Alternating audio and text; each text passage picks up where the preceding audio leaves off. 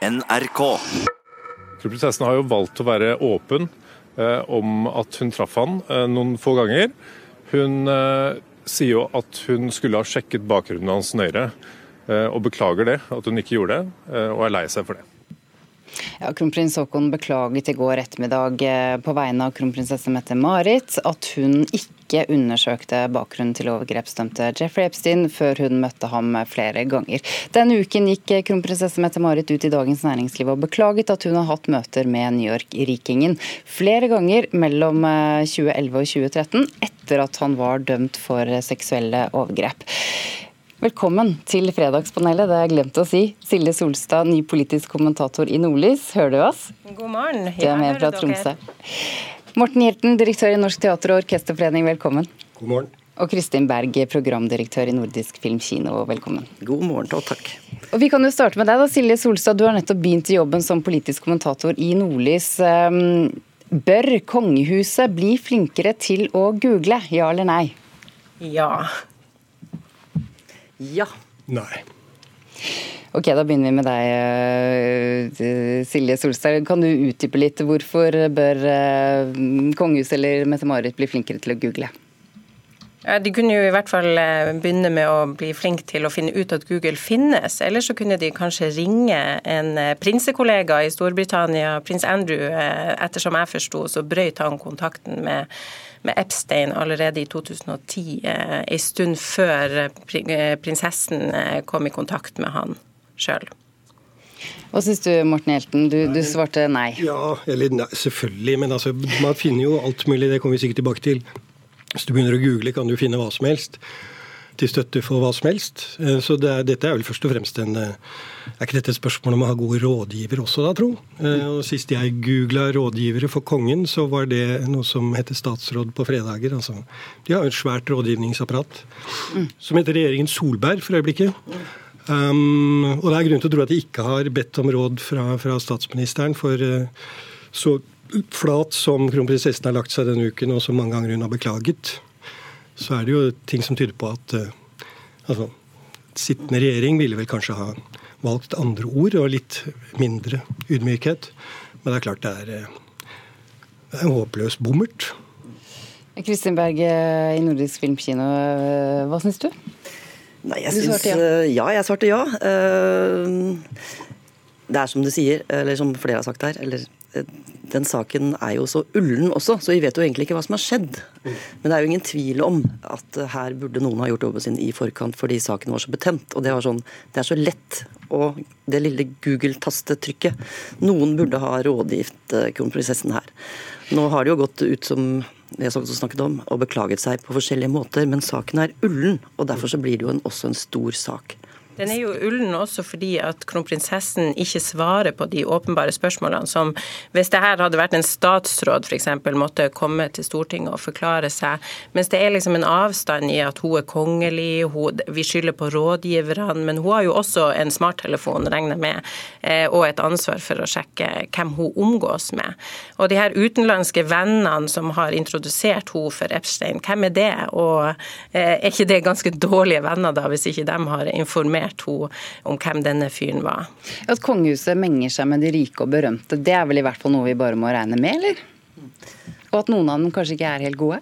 Det må vi jo regne med, og derfor er det jo ekstra viktig at de framstår som stuereine og er sosialt selektive, rett og slett. Så saken blir jo ekstra betent. Selvsagt. Har eh, Mette-Marit eh, vist dårlig dømmekraft her? Ja. Ja, jeg syns Ja, unnskyld. Det er klart hun har det. Eh, og det er jo heller ikke noe nytt at blandingen av rikdom og makt og, og menn er en, en kombo du skal passe deg for i alle sammenhenger. Da går vi videre til eh, neste tema. Når denne bestemoren tok kontakt med oss og fortalte dette, så sjekket vi det opp. Og når skolen bekrefter egentlig at de har endret eh, dette fra julemat til tradisjonsmat, og de sier at de gjør det for å ikke støte noen, så mener jeg absolutt det er en sak eh, som folk flest i Norge er opptatt av. Dette sa ansvarlig redaktør i Telemarksavisa Ove Meldingen i Dagsnytt 18 på mandag. Avisen hans hadde på mandag da en artikkel om en bestemor som hadde hørt barnebarnet fortelle at de ikke fikk bruke ordet julemat og juleball på skolen, men at de i stedet skulle si tradisjonsmat og skoleball. Og nettsteder som Dokument og Resett kastet seg på og mente dette dreide seg om snikislamisering. Men også politikere fra både Høyre og KrF kommenterte, og, og dermed mente mange tusen nordmenn noe om om eh, dette, som da viste seg å være bygget på et noe tynt kildegrunnlag. Både rektor og rådmannen på denne skolen som det gjaldt, er uenige i fremstillingen. Og Da er eh, spørsmålene bør alle som delte denne historien fra Telemarksavisa på Facebook, eh, skamme seg? Morten Hjelten. Ja, de må i hvert fall ta seg sammen. Ja, jeg syns de må skamme seg litt. Nei, jeg syns ikke de skal skamme seg. Silje Solstad i Nordlys, hvorfor skal de ikke skamme seg? Nei, fordi at eh, selve nyhetssaken var jo bygd på det feile premisset, og det var jo det folk reagerte på og delte i utgangspunktet. Viser dette at, eh, at fake news endelig har nådd Norge? Oh, men det har vært her lenge. Er det ikke det?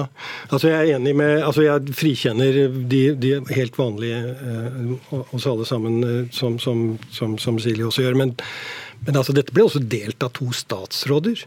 Ja, Det er jo det som er det store problemet. At regjeringa i Norge ser ut som bestemt seg for at jula er trua. Du har jo liksom Frp, Per-Willy Amundsen som gikk berserk fordi at Ikea hadde skrevet 'vinterfest' under sin juleseksjon. Så, og, så hiver Høyre og KrF seg på. Så jeg vet ikke hva man frykter, at ribba skal bli omgjort til nøttestek eller noe sånt på veien. Er dette viktig å diskutere, Kristin Berg? Det er i hvert fall veldig mange som er opptatt av å diskutere det. Og det viser jo også hvor eh, betent og hvor, hvordan julen er, altså er, så vernet om her i, her i, Norge. Eh, men saken er jo interessant fordi den er jo også veldig ullen. Når skolen og rektor benekter at det er det de mener, men på den annen side understreker at det er det de mener i den artikkelen. Og at eh, redaktøren i Telemarksavisa mener at sakene virkelig er pre presis og mm. etterrettelig. Bare der er det jo sånn, et sprik i oppfattelse av den saken. Og det er den anonyme kilden som er en bestemor med et barn. Til et barn. Det er jo sånn at I USA så har mange sluttet å si 'Merry Christmas' og, og sier 'Happy Holidays' isteden. Har vi importert et amerikansk eh, krenkelsesdebattklima? Ja, kanskje, men altså det, det, det, dypt ironiske og morsomme her er jo at KrF-lederen har hengt seg på dette og forsøkt å forsvare dette begrepet jol, som jo ikke, sant, ikke nettopp er kristmesse. Fordi at hans forgjengere greide ikke å endre begrepsbruket begrepsbruk i Norge for 1000 år siden. Så dette er jo et godt gammelt norrønt begrep, som nå KrF Ropstad er veldig, veldig, oppsatt av å forsvare. og Det er jo moro. Men det er klart at dypet, altså det alvorlige med at i hvert fall to, så vidt jeg har skjønt, statsråder er blant de som hiver seg tidlig på her og gjør dette allment, det er splittende. Og det er, det er, og det er dumt. Ja, er du enig i det, Silje Solstad? Er dette splittende? Ja, det er jo en rage-bait, da. Altså at du vet at det her kommer til å skape en, en storm når du, når du, legger ut et sånn lik og del-bilde. Eh, er det for å få klikk at Telemarksavisa gjør dette? Nei, altså Telemarksavisa var jo kanskje av den oppfatning at de hadde sjekka kildene eh, i forhold til at det ikke var lov å si. Det var jo det som var den store, at, eh, at på en måte skolen hadde forbudt det å si jul, mens det var mye mer nyansert i selve saken. Eh, så jeg vet ikke om de har gjort det bare for å få klikk, men de har jo selvfølgelig brakt frem noen synspunkter basert på det. Så syns jeg ikke vi skal bli krenka fordi at skoler tar noen eh, steg for å gjøre det mer eh, inkluderende på en skole i forbindelse med ferien. Da går vi videre. Vi skal inn i kinosalene. De tar i så hardt.